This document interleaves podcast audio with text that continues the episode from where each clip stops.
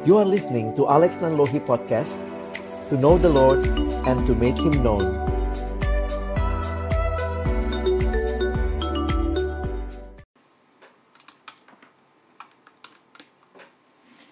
Mari sama-sama kita berdoa sebelum kita membaca merenungkan firman Tuhan. Kembali kami datang dalam ucapan syukur ya Tuhan buat kesempatan yang Tuhan berikan kami sama-sama akan melihat kembali pelayanan yang sudah Tuhan anugerahkan kepada kami. Kami boleh melakukan evaluasi, bahkan juga boleh memikirkan ke depan apa dan bagaimana kami harus melakukan pelayanan ini. Kami sungguh rindu kebenaran firman-Mu yang kembali mengarahkan hati kami, agar kiranya dalam apa yang sama-sama kami akan pelajari, Tuhan yang menolong kami bisa menerapkannya di dalam pergumulan pelayanan kami dan juga bahkan pribadi kami masing-masing. Waktu ke depan kami persembahkan dalam tangan pengasihan-Mu, kami mohon ketika kami membuka firman-Mu ya Tuhan, bukalah juga hati kami. Jadikanlah hati kami seperti tanah yang baik, supaya ketika benih firman Tuhan ditaburkan, itu boleh sungguh-sungguh berakar, bertumbuh, dan juga berbuah nyata di dalam hidup kami. Tolonglah kami Tuhan pada akhirnya bukan cuma jadi pendengar yang setia, tapi jadi pelaku-pelaku firman-Mu di dalam kehidupan dan di dalam pelayanan kami. Di dalam nama Tuhan kami Yesus Kristus, Sang Firman yang hidup, kami menyerahkan pemberitaan firman-Mu. Amin. Shalom teman-teman, selamat siang dan saya bersyukur boleh dapat kesempatan sharing firman Tuhan. Tadi Evan yang ngitung-ngitung ya, udah dua tahun aja gitu ya. Nah terakhir katanya waktu kita belajar Creative Bible Study ya. Nah saya coba uh, membagikan apa yang saya coba siapkan. Jadi waktu bergumul tentang tema ini, apa sih artinya jadi gembala di tengah pandemi? Saya pikir memang pandemi ini membuat kita jadi berpikir lebih keras ya untuk bisa mempelajari berbagai hal yang tepat untuk kita lakukan. Tapi kita mesti terbuka juga bahwa nggak ada dari kita yang sudah ahli ya pelayanan dalam pandemi ya.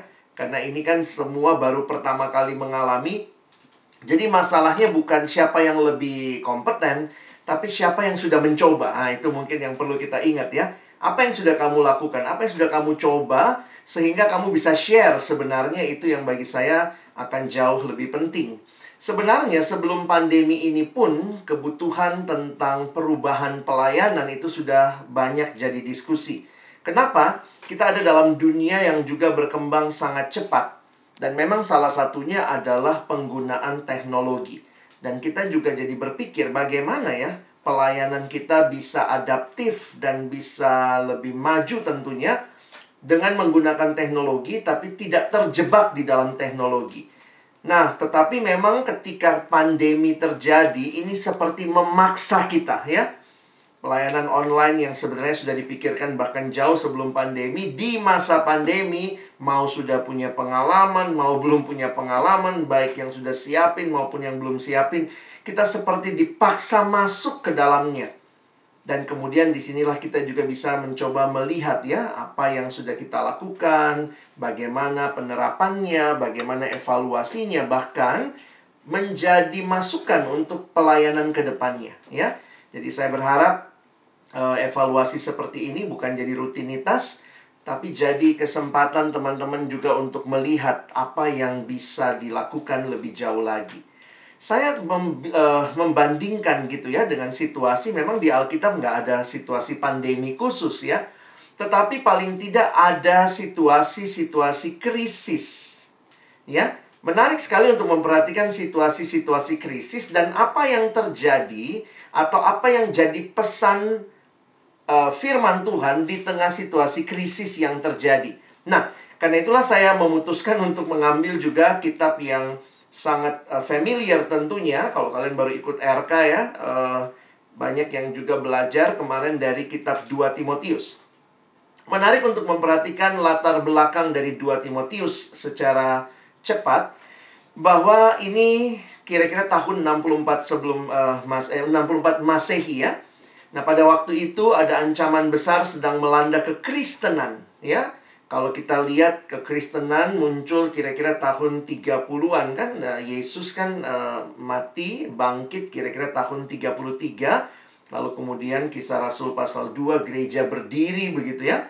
Jadi kira-kira ini 30 tahun setelah kekristenan tetap masih minoritas bahkan banyak sekali pergumulan. Pada saat itu ancaman besar sedang melanda kekristenan di provinsi Asia.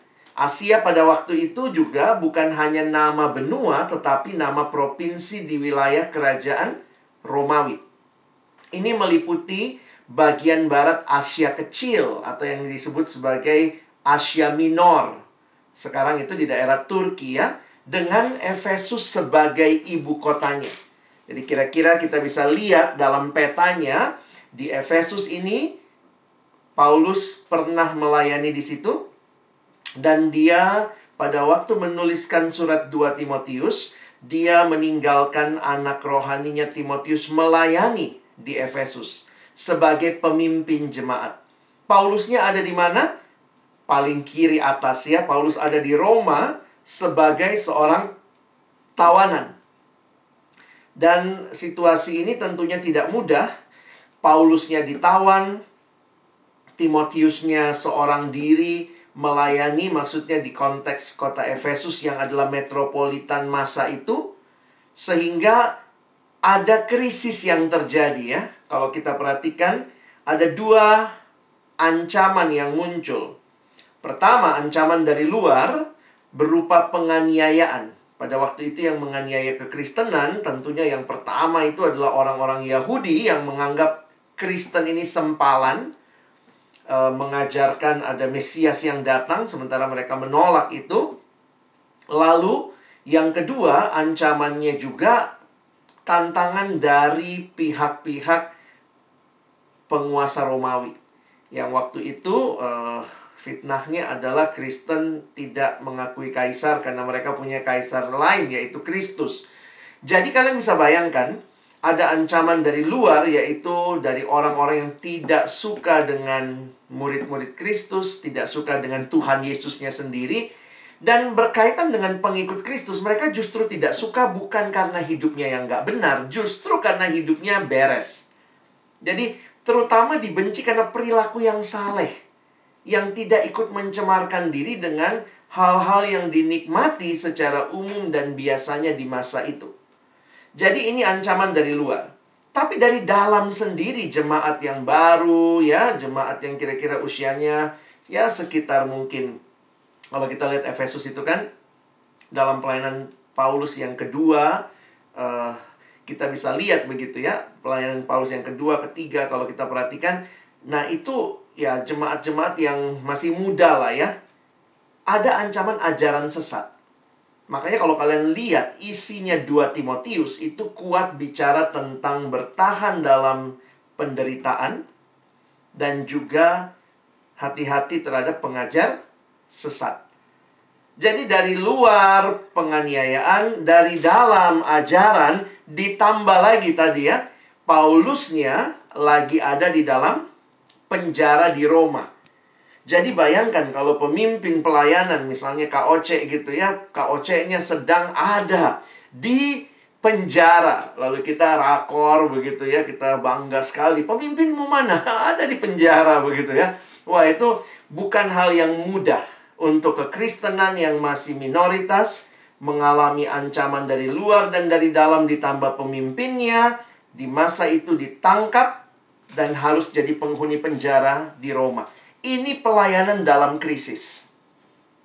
Teman-teman jangan lupa Timotius tinggal di Efesus berarti ada jemaat Efesus.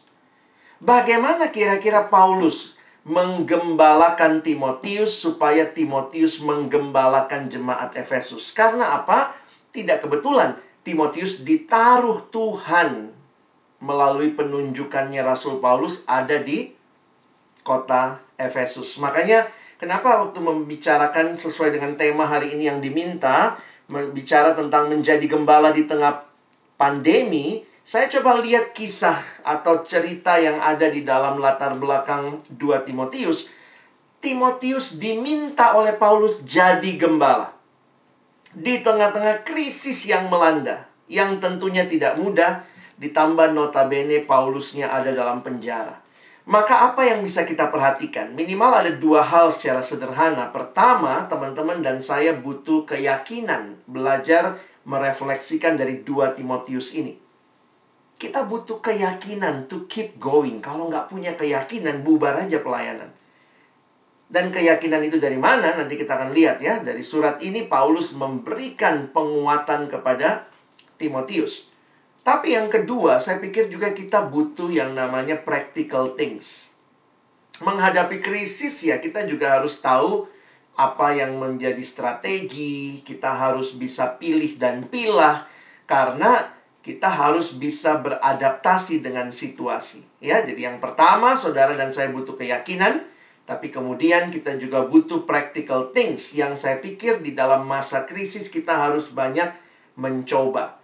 Karena kita belum pernah ada yang terlalu expert ya, ya nggak apa-apa, learning aja gitu ya. Itu sesuatu hal yang penting. Jadi yang pertama adalah conviction, keyakinan. Apa keyakinan yang disampaikan Paulus kepada Timotius? Saya pikir sama seperti bagian-bagian lain ketika juga krisis terjadi di satu Petrus, nah, karena udah sering bahas satu Petrus, itu ada tentang gembalakanlah kawanan domba Allah yang ada padamu. Nah, saya mau ajak kita melihat konteks 2 Timotius. Penggembalaan yang Paulus harapkan Timotius lakukan, dia spesifikkan langsung kepada 2 Timotius 4 ayat 2 dan 5. Ya, perhatikan. Apa fokus penggembalaannya? Pertama, ayat 2. Beritakanlah firman, siap sedialah baik atau tidak baik waktunya. Nyatakanlah apa yang salah, tegurlah dan nasihatilah dengan segala kesabaran dan pengajaran. Ayat 5. Tetapi kuasailah dirimu dalam segala hal, sabarlah menderita, lakukanlah pekerjaan pemberita Injil, dan tunaikanlah tugas pelayananmu. Teman-teman, apa yang Paulus ingatkan kepada Timotius di tengah-tengah pergumulan yang dialami, situasi yang tidak mudah, krisis yang sedang terjadi? Timotius sedang jadi gembala di Efesus. Dan Paulus mengingatkan Timotius akan identitas panggilan dia. Nah, saya pakai istilah ini ya, saya ambil bahasa Inggrisnya Timotius adalah heralds of the good news. Itu sebenarnya jelas di ayat 5 tadi ya. Pemberita Injil. Lakukanlah pekerjaan pemberita Injil. Jadi ada status yang Paulus ingatkan kepada Timotius. Kamu pemberita Injil. Dan ini bukan cuma status. Makanya ayat 2. Beritakanlah firman. Karena kamu pemberitanya. Ya, jadi Paulus mengingatkan Timotius di tengah situasi krisis, ingat apa panggilanmu. Wah, ini menarik nih. Apa yang teman-teman hayati? Jangan bicara programnya dulu deh. Di tengah situasi krisis maupun tidak krisis, mau online mau offline, apa sih panggilanmu jadi TPS? Jadi jangan berdalih di balik online. Ini lagi online susah. Jangan bicara susahnya dulu. Sekarang bicara yakin nggak apa panggilan? What is your conviction? Paulus menegaskan lagi, Timotius kamu itu gembala dan tugas salah satu ya. Saya harus katakan memang tidak satu-satunya, tapi salah satu tugas utama penggembalaan adalah memberitakan firman.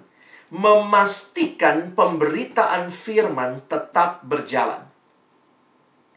Heralds of the good news Itulah yang kita baca tadi di ayat yang kedua, di ayat yang kelima. Bahasa Yunaninya kata preach the word itu dalam terminologi dipakai kata keruso ya. Berarti to herald or proclaim. Jadi Timotius ini bagi saya menarik ya. Paulus bukan bilang begini Timotius, aku udah di penjara nih, kamu juga pasti kan sulit ya. Tantangan makin banyak. Yuk kita tutup sebentar pelayanan kita ya. Yuk Timotius, kita tutup dulu ya tunggu dulu lah suasana lagi lagi krisis udahlah kita tutup dulu nanti baru buka lagi begitu ya tapi Paulus ingatkan kepada tugas panggilan identitas sebagai seorang pemberita. TPS itu ngapain sih? Ya, itu teman-teman mesti hayati lagi ya. 6 bulan ini apakah kamu sudah melakukan apa yang menjadi panggilanmu? Herald di dalam konteks waktu itu adalah istilah yang Paulus pinjam. Itu bukan istilah khas Kristen. Paulus pinjam dari istilah kerajaan Romawi pada waktu itu. Jadi yang namanya pemberita itu adalah official representative of the king. Makanya dia disebut sebagai Kerox ya. Uh, bore the king's message. Jadi yang dia bawa itu berita atau message dari sang raja, bukan dirinya, bukan berita beritanya dia. Dan dia membawa itu to the realm or to specific person. Jadi dia membawanya kepada orang-orang tertentu. Dan ini yang menarik ya, waktu saya coba persiapan yang menarik adalah ini. Bahwa the herald enjoyed the protection of the king. As he carried out his duty. Karena herald itu representatifnya the king, maka sebenarnya the king protect the herald. To harm a herald was to invite the wrath of the court. Kalau kita menyakiti, melukai, membahayakan sang pemberita, sebenarnya itu hadapannya langsung sama bosnya yang mengutus sang pemberita. Nah, Paulus sadar juga. Paulus menyebut dirinya di 2 Timotius 1 ayat 11. Dia juga bicara dia pemberita. Ini ayatnya. Ya. 2 Timotius 1 ayat 11 dia katakan untuk Injil inilah aku telah ditetapkan sebagai pemberita, sebagai rasul dan sebagai guru. Jadi sebenarnya banyak aspek penggembalaan, tapi mungkin kalian udah tahu lah ya yang soal caring, peduli itu kuat di 1 Petrus. Tapi siang ini abang angkat kaitannya dengan tambah krisis, tambah harus beritakan firman. Wah, itu bagi saya satu hal yang wow. Krisis tidak membuat kita stop memberitakan firman. Bahkan Paulus sadar, aku pemberita. Di penjara masih begitu sadar dia pemberita. Dia bukan bilang saya pensiun. Teman-teman, kita bisa pensiun jadi TPS ya nggak ada yang TPS seumur hidup ya kecuali kalian beralih jadi staff ya itu namanya mulai jadi staff ya dan dalam situasi itu walaupun sudah tidak distruktur nanti sudah tidak melayani dalam job desk apakah kita sadar panggilan kita nah ini Paulus sadar ya sebagai pemberita sebagai rasul dan guru nah kita fokus kepada pemberita dan menarik sekali kalau kalimat dalam bahasa Inggris dikatakan Paulus sadar itu and now passes the title to Timothy. Paulus sekarang meneruskan kepada Timotius, Timotius, aku ini pemberita. Sekarang waktu aku di penjara, aku tulis surat sama kamu. Ingat loh, kamu juga sekarang pemberita. Jadi kalau kalian perhatikan, ada empat hal yang harus menyertai atau empat karakteristik seorang pemberita atau empat karakteristik uh, bukan seorangnya tapi beritanya ya. Mungkin saya mau fokus ke beritanya. Karena kan pemberitanya adalah orang yang memberitakan apa empat karakteristik atau four marks which are the characterized to characterize the proclamation jadi proklamasi ini pemberitaan yang seperti apa ada empat hal yang bisa kita pahami pertama dari ayat yang kedua tadi ini adalah pemberitaan yang urgent ini pemberitaan yang urgent, an urgent proclamation. Perhatikan teman-teman. Preach the word, be prepared in season and out of season. Wah, kalimat ini menyatakan apa buat kita? Bahwa situasi tidak selamanya baik. Jadi, kita dipanggil menjadi pemberita, bahkan di situasi yang mungkin tidak baik, Kenapa? Karena berita ini sangat urgent. Kenapa Paulus begitu mendesak Timotius? Padahal Timotius itu tahu ya, Paulus ini kan di penjara, entar lagi bahkan di ayat berikutnya 6 sampai 8 Paulus sadar betul darahku sudah mulai dicurahkan saat kematianku sudah dekat. Tapi lihat isi surat ini. Di surat ini Paulus tidak titip pesan Timotius nanti bikinin aku nisan ya, taruh tulisannya ini ya. Oh, bikinin aku tugu ya, bikin yang bagus ya, kayak di kampung begitu ya. Nanti aku mau mati, inilah tolong siapkan. Tapi Paulus fokus Timotius tetap beritakan. Mau itu suasananya baik atau tidak baik. Kenapa? Karena ini berita hidup dan mati. Ini berita tentang hidup kekal atau binasa. Teman-teman, ini bukan sekadar berita biasa yang bisa nanti-nanti deh kalau lagi baik. Oke deh, kita gencar, publikasi gencar. Kalau lagi begini, ya udahlah, capek. No. Gembala dipanggil untuk melihat betapa urgentnya berita keselamatan ini. Kalau kalian baca ayat pertama, Kalian bisa melihat di hadapan Allah yang akan menghakimi orang yang hidup dan yang mati. Semua orang akan menghadap pengadilan Allah dan Tuhan memanggil Paulus. Tuhan memanggil Timotius. Beritakan firman karena satu waktu kelak semua akan berdiri di hadapan Allah. Dan biarlah mereka yang berdiri itu dengar berita itu. Dan meresponi berita itu ini berita yang urgent. Karena itu tidak ada masalah timing di sini. Mau baik timingnya, nggak baik timingnya tidak ada. Preach the word. Be prepared. Siap sedialah terjemahan Indonesia. In season and out of season. Baik atau tidak baik waktunya. Yang kedua, ini berita yang relevan teman-teman ya. Kadang-kadang kita jadi bingung juga ya dalam situasi pandemi begini kan orang juga mulai ngomongin bagaimana ya. Kadang-kadang kita juga berelasi itu jadi bingung satu sama lain ya. Tapi yang menarik firman Tuhan itu kaya. Kadang kita nggak tahu ya. Ya abang kan sering kali uh, apa ya share podcast gitu ya. Itu ada aja tuh yang dapat berkat kadang-kadang saya bingung gitu ya kita share apa, dia dapat berkat ini. Kita share, tahu-tahu ada yang bilang saya ditegur, ada kemarin saya bersyukur, saya apa. Saya akhirnya melihat gini ya, iya memang firman Tuhan itu relevan. Kadang-kadang kita pun bahkan sangat terbatas menyiapkannya, tetapi ketika orang mendengarnya, maka itu Tuhan sanggup membawa berita itu menjadi relevan untuk setiap konteks. Tepat sasaran. Seperti gambar teletabis di depan ini ya. Tepat jadi kepada kebutuhan masing-masing. Teman-teman, apa kebutuhan siswa? Kamu you name it. Oh, siswa lagi capek, Bang. Oh, siswa lagi. Kadang-kadang saya takutnya begini. Kalau siswa lagi capek, ya kita fokusnya bikin games. Bukannya salah games ya.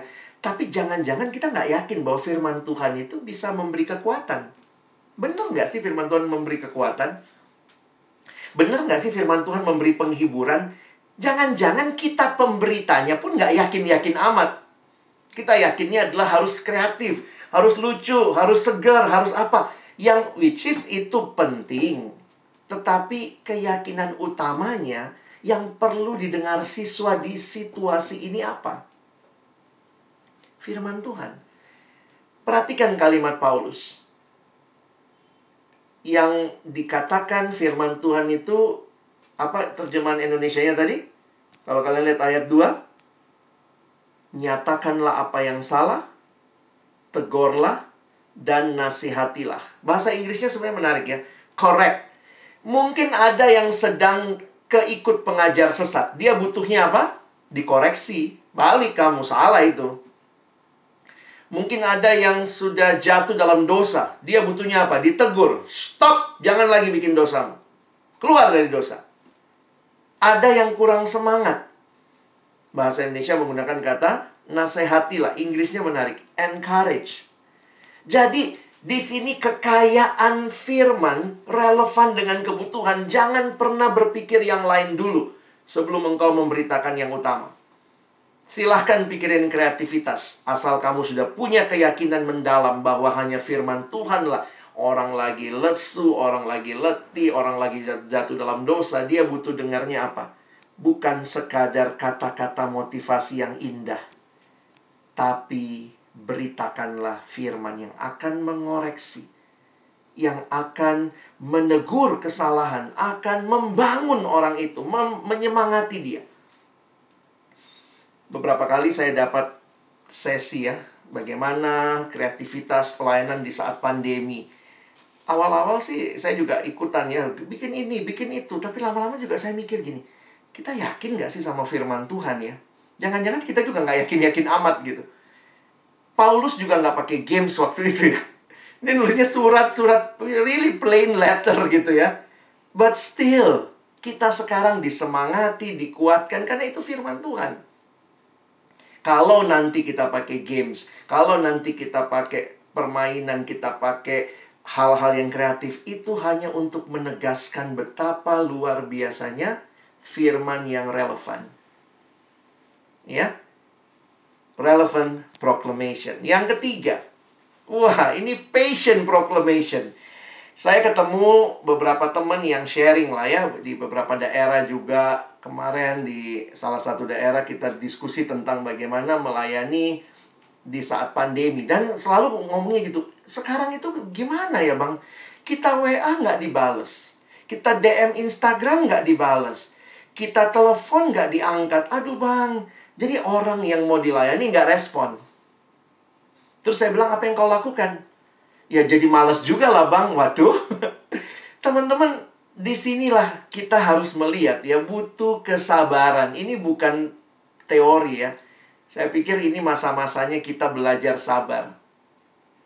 Perhatikan kalimat Paulus. Krisis itu Nggak gampang. Kira-kira Paulus mau bilang begitu. Kalau kamu melayani, please have not only patience, but great patience. Kalimatnya apa? Dengan segala kesabaran. Itu kalimat terjemahan Indonesia. Tapi bahasa Inggris kayak menegaskan, ini bukan cuma butuh patience. Great patience. Aduh siswanya nggak pernah bisa kelompok kecil gimana nih bang, saya udah kejar seminggu. Terus, ya saya berhenti bang, malas juga ngejar nggak direspon Emangnya cinta bertepuk sebelah tangan? Please, keep on doing it. Terus.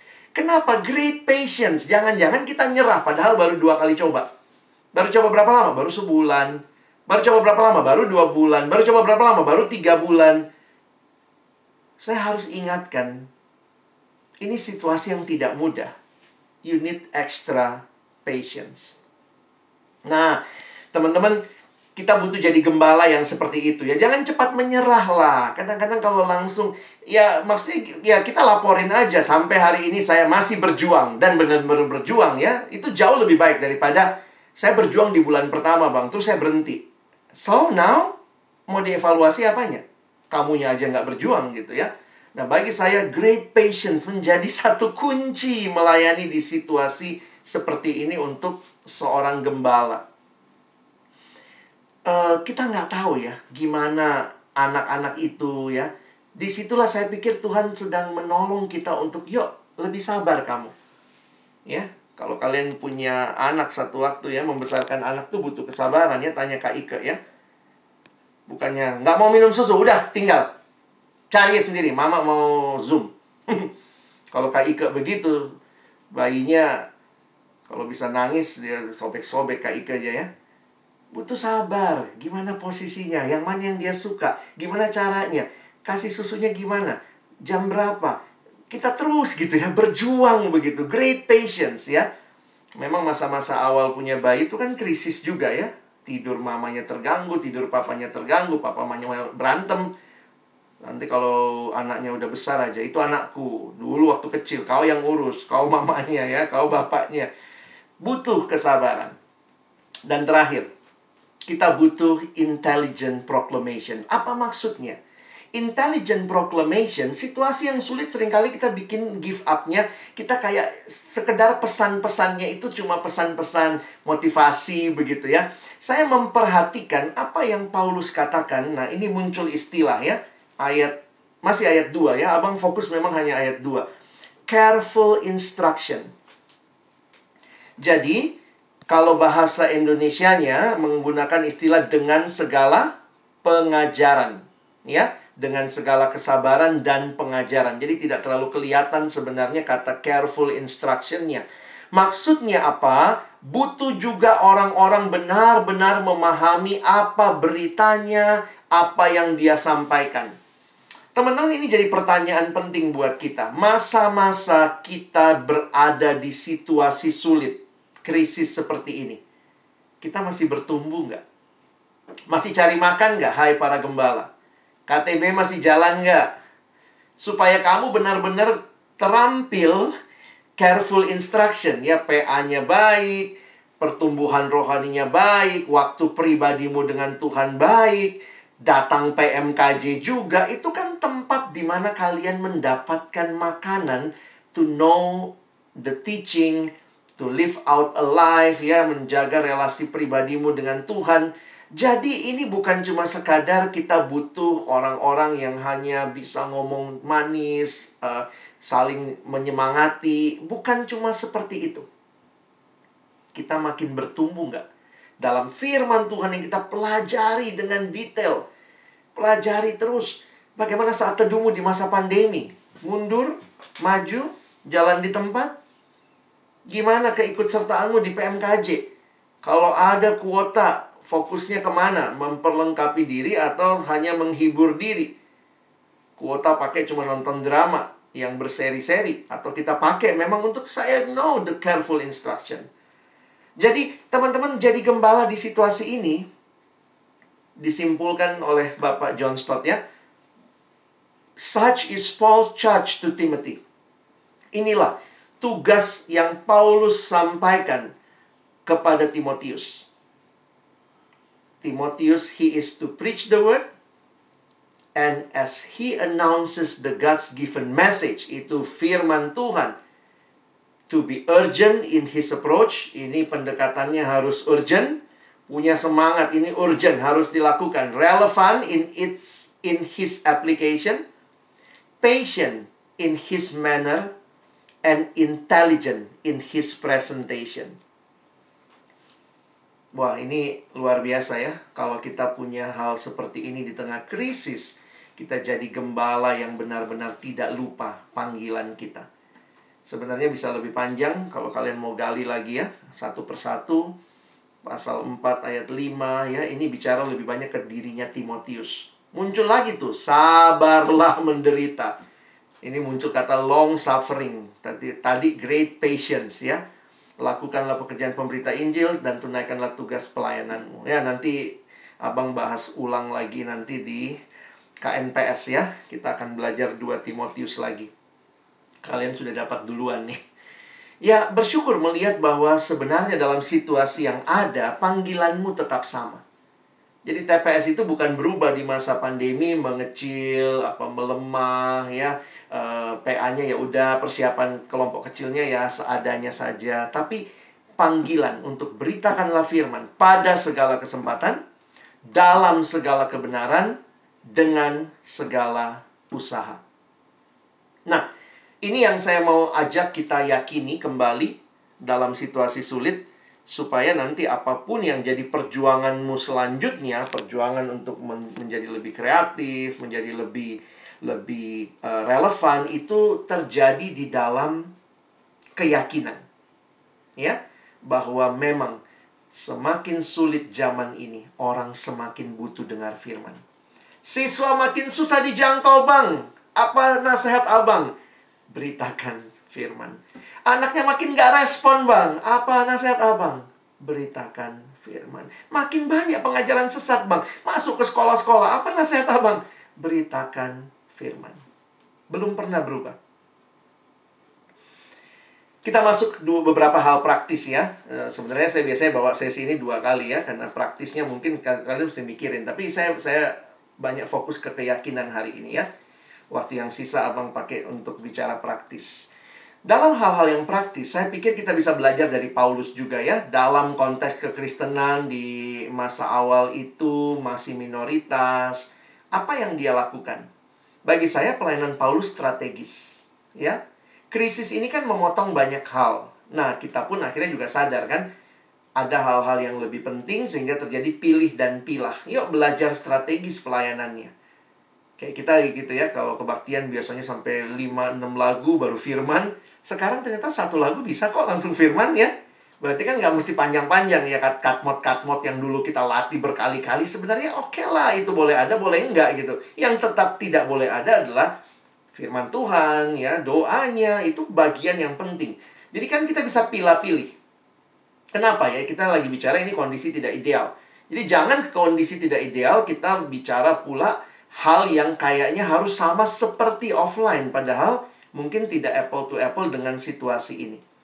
Ketika Paulus melayani, dia tidak keliling ke semua tempat, tetapi dia pernah dua tahun itu tinggal di Efesus. Ya, coba kalian lihat ayatnya ya.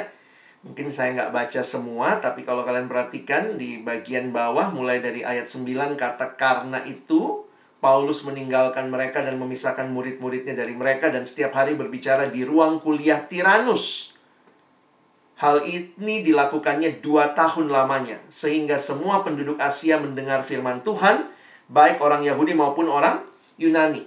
Menarik ya, Paulus itu tidak pernah ke beberapa kota yang lain, tapi dia strategis tuh, dia fokus ke Efesus. Efesus tuh kota pelabuhan, jadi kalau yang lain mau berdagang mesti ke Efesus dulu.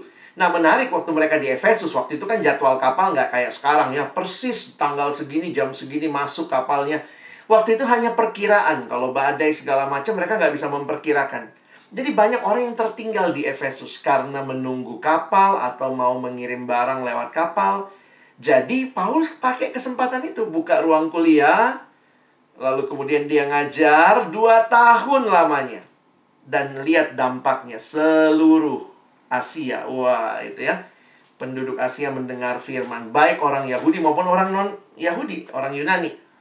Jadi saya melihat begini. Paulus tuh nggak pernah ke Kolose. Kolose tuh ada di Asia juga ya kalau nanti lihat peta yang lain. Tapi dia punya dampak di Kolose. Kayaknya ada Epaphras yang waktu itu uh, ini ya pelayanan uh, di membuka pelayanan Kolose. Mungkin dia pernah ikut kuliahnya Paulus di Efesus waktu dia berdagang pulang dia buka jemaat di sana. Jadi waktu Paulus kirim surat, Paulus bilang saya belum pernah ketemu kamu, tapi saya bersyukur dengar kamu dari Epaphras misalnya. Jadi kalau kita perhatikan teman-teman kita mesti strategis nih, ya. Gimana nih strategi-strategi kita? Makanya dalam kita mengevaluasi pikirin yang strategis. Mungkin nggak bisa semua kita lakukan. Aduh anak barunya SMA ini ada 70 anak. PKK kita berapa? yang mau ikut dalam masa pandemi juga mungkin sulit.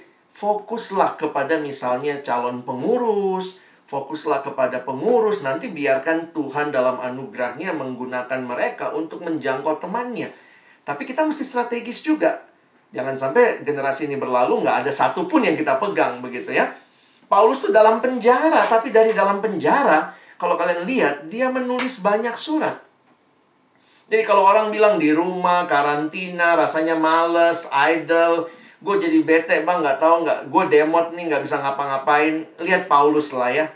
Kalau di hatinya dia ingat dia pemberita firman dan dia tahu situasi yang sulit, dia tulis surat. Jangan pikir tulis surat sekarang dengan dulu gampang ya.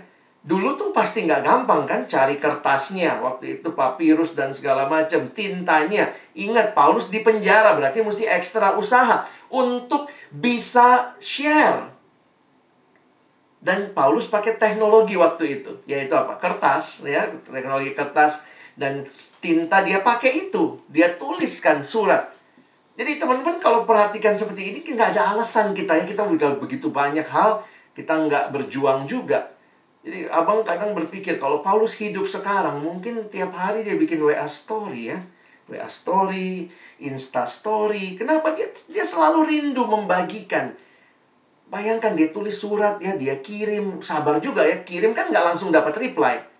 Kita sekarang kan bisa bikin story, kita bisa minta orang komen, orang like. Waktu itu Paulus dia kirim baru suratnya nyampe sana, yang sana baca, habis dibaca, yang sana reply balik sini. Ya ampun udah tua Paulusnya ya, tapi itulah realita yang terjadi. Dan ketika Paulus nulis kitab Roma misalnya, Paulus tuh belum pernah ke Roma. Demikian juga Paulus waktu nulis kitab Kolose tadi abang bilang ya, dia belum pernah ke Kolose. Jadi kalau sekarang bilang ini, gimana caranya mulai kelompok kecil? Kita belum pernah ketemu anaknya, kita belum pernah ketemu anaknya. Paulus juga belum pernah ketemu. Apa yang dia lakukan? Ya dia tulis surat. Ya. Ya, nggak ada alasan sebenarnya ya.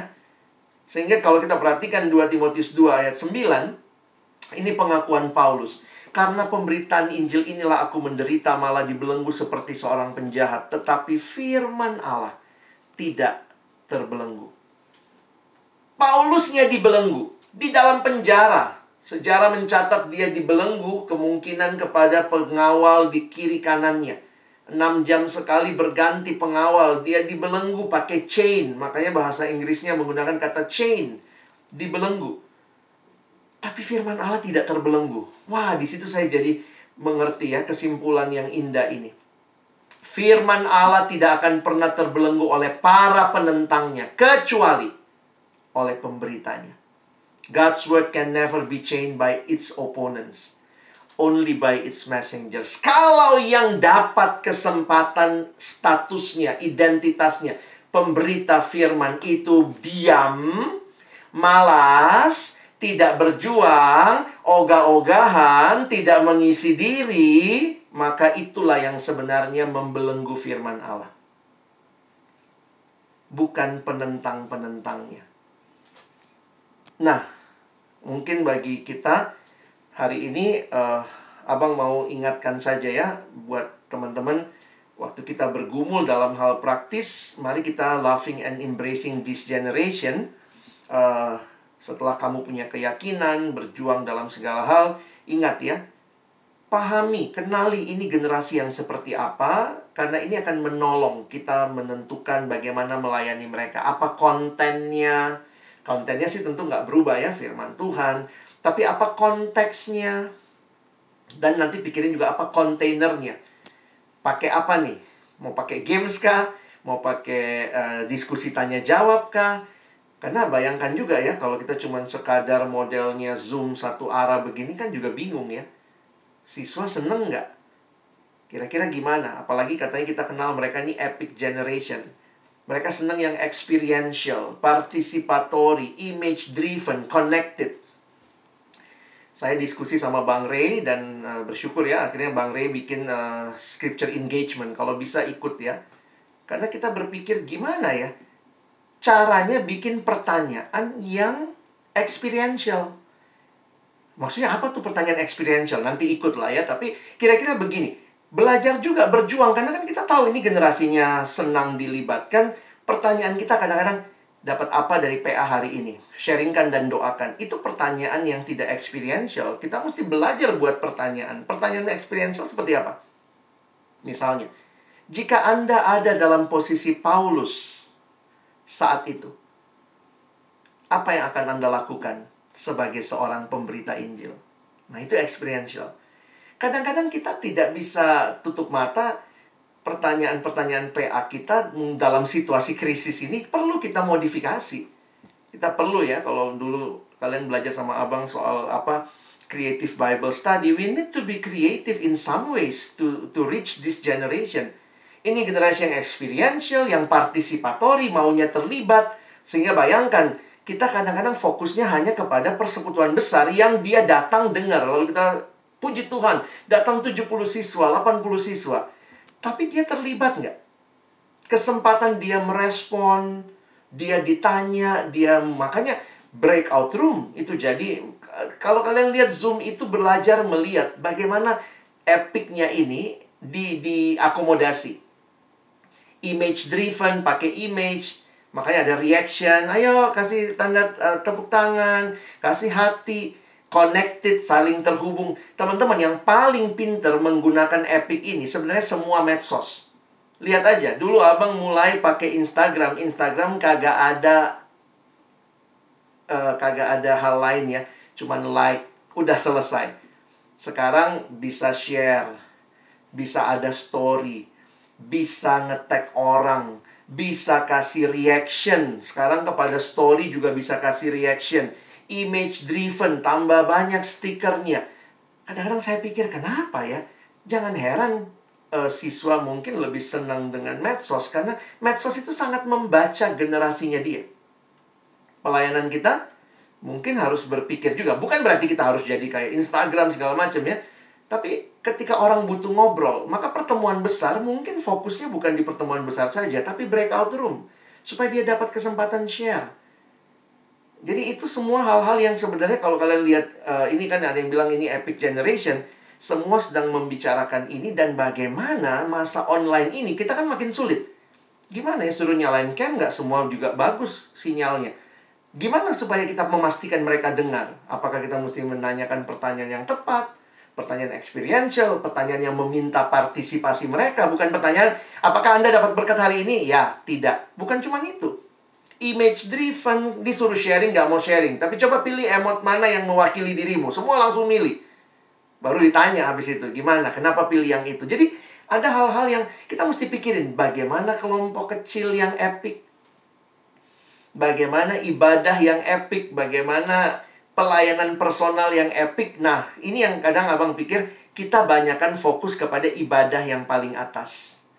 Tapi mari kita nggak lupa, fokus utama sebenarnya adalah kepada setiap orang dan dalam hal ini saya harus ingatkan kelompok kecil jadi prioritas kita, ya.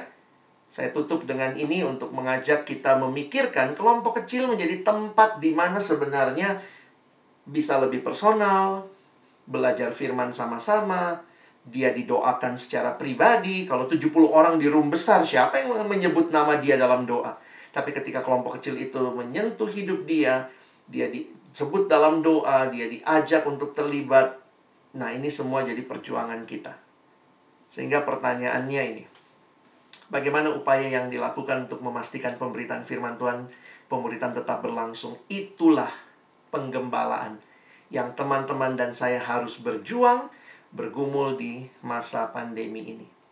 Kiranya Tuhan menolong kita seharian ini atau setengah hari nanti kalian akan lebih jauh lagi berpikir untuk pelayanan kita. Tuhan memimpin untuk mengevaluasi dan bahkan merencanakan yang lebih baik ke depan. Biarlah kita tetap menjadi pemberita-pemberita Injil bagi para siswa di Jakarta, Depok, dan sekitarnya bagi kemuliaan Tuhan. Amin. Mari kita berdoa. Tuhan, terima kasih banyak buat firman-Mu. Tolong kami mengerti konteks yang terjadi di masa Paulus dan merefleksikannya bagi hidup kami saat ini. Kami sungguh rindu benar-benar hidup kami pun yang telah dipanggil Tuhan menjadi gembala bagi para siswa tidak melupakan pemberitaan Injil yang begitu urgent, yang begitu relevan, yang di dalamnya kami pun bisa melihat anugerah Tuhan berlaku dengan indah. Pemberitaan yang harus disertai dengan kesabaran yang besar dan juga pemberitaan yang intelijen karena kami mempersiapkan diri, mengisi diri. Dan itulah yang kami rindukan menjadi perjuangan kami bersama untuk melayani siswa di tengah krisis ini.